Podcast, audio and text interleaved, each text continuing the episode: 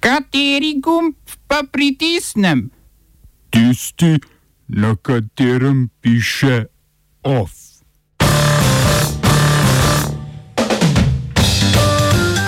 Dober dan.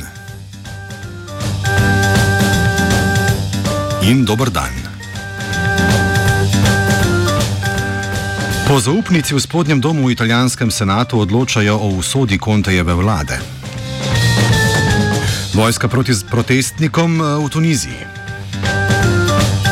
Turška policija aretirala več kot 200 vojakov, označenih za podpornike Fetulaha Gülena.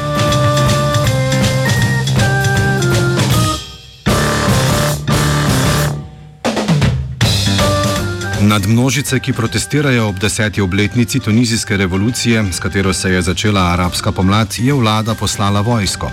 Včasih tudi nasilni izgredi, ki potekajo od četrtka, so posledica gospodarskega zloma in razočaranja nad revolucijo.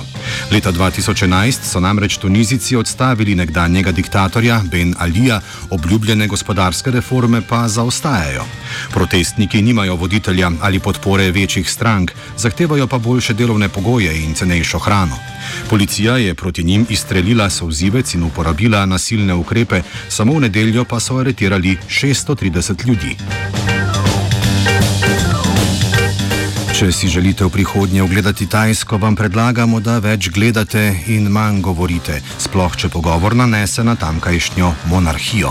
V Bangkoku je kazansko sodišče obtožen, ki prisodilo reči piši rekordnih 43 let dolgo zaporno kazen zaradi večkratnega žaljenja kralja Vajira Longokorna in s tem celotne monarhije.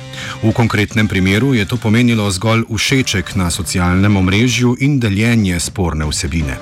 Zakon predvideva od 3 do 15 let zaporne kazni in se ga je v preteklosti uporabljalo tudi pri obračunavanju z opozicijo.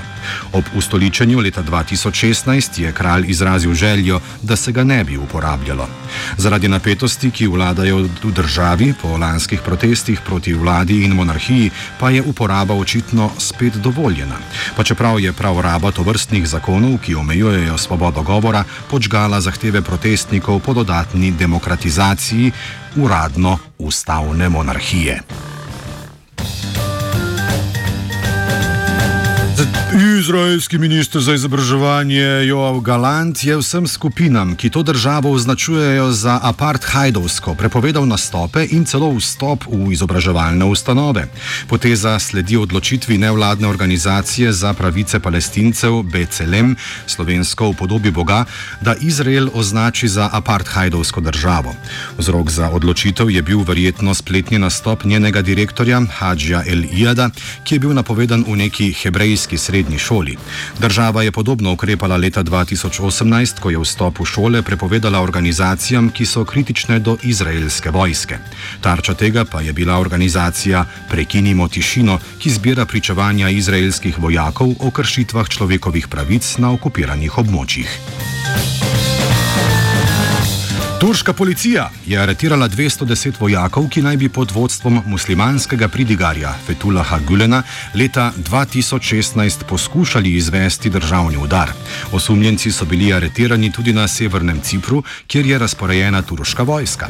Od poskusa državnega udara je bilo v sodnem postopku okoli 80 tisoč ljudi, približno 150 tisoč javnih uslužbencev in vojaškega osebja pa je bilo odpuščenih ali suspendiranih. Ankara obtožuje Gülena, da stoji v ozadju dolgotrajne kampanje za rušenje države s prodorom v turške institucije, zlasti vojsko, policijo in sodstvo. Mačarska bo prva država članica Evropske unije, ki bo gostila Kitajsko univerzo na lastnih tleh. Za postavitev novega kampusa v Budimpešti je mačarska vlada Šanghajski univerzi Fudan namenila dobra 2 milijona evrov.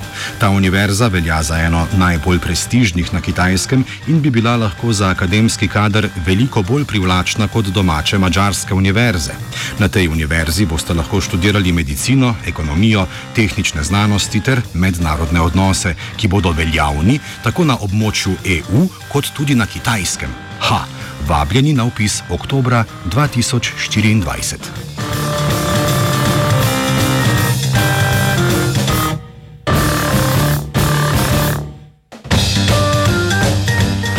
vladi italijanskega premijeja Giuseppeja Conteja so poslanci spodnjega doma parlamenta izglasovali zaupnico. Politična kriza se je ukrepila z odstopom stranke Italija Viva, nekdanjega premijeja Mateja Rencija, zaradi nestrinjanja glede vladnega gospodarskega odziva na pandemijo. Odhod stranke Italija Viva je Conteju odnesel absolutno večino v obeh domovih, glasovanje zgornjega doma pa bo določilo, ali lahko njegova krhka koalicija ostane na oblasti. Italija je ena izmed evropskih držav, ki jih je pandemija najbolj prizadela in ena od glavnih upravičenk do Evropskega sklada za oživitev gospodarstva. Renci je vlado kritiziral zaradi ravnanja z Evropskim mehanizmom za stabilnost in jo obtožil, da je, namesto da bi naslovila strukturne reforme, poskušala pridobiti glasove. Če Konte v senatu ne bo dobil večine, naj bi odstopil in bi lahko prišlo do predčasnih volitev. Javnost izraža večjo podporo desni koaliciji, vključno stranko Liga, ki ostro nasprotuje priseljevanju in globlji evropski integraciji. Oba, če, če bom odgovoril na angliški. Slovenija will try to help. We can Slovenija will and we will do our utmost To say that the situation is our problem ourselves. and uh, We will make further steps as soon as the conditions are bomo vlado Marjana Cererja, Mira, Marjana Cererja Šarca podprli. uh, very, very serious. we know how and we will. Pogumni branitelj slovenske demokracije in pravic upokojencev Karl Rjavec je danes taktično odstopil od kandidature za mandatarja. Levje srčni veljak slovenske politike je po globokem premišljevanju lok slabih 42 podpisov in mandatarsko kandidaturo ter puščice vrgel v koruzo. Povod naj bi bile hude epidemiološke razmere v državnem zboru, kjer divja hudobni protidemokratični koronavirus, ki ga je tja v petek prinesla sova. S tem je že drugič padel poskus odstranitve vlade Janeza Janše. Voditelji koalicije ustavnega loka že napovedujejo novega mandatarja ali mandatarko, ki bo zares zbral ali zbrala vseh 46 glasov. Kdo točno to bo, se še ne ve, ve se samo, da bo imel potrebne glasove. Naj dodamo še opozorilo, da skoki v prazen bazen škodujejo zdravju in političnim karieram. Kahl osebno.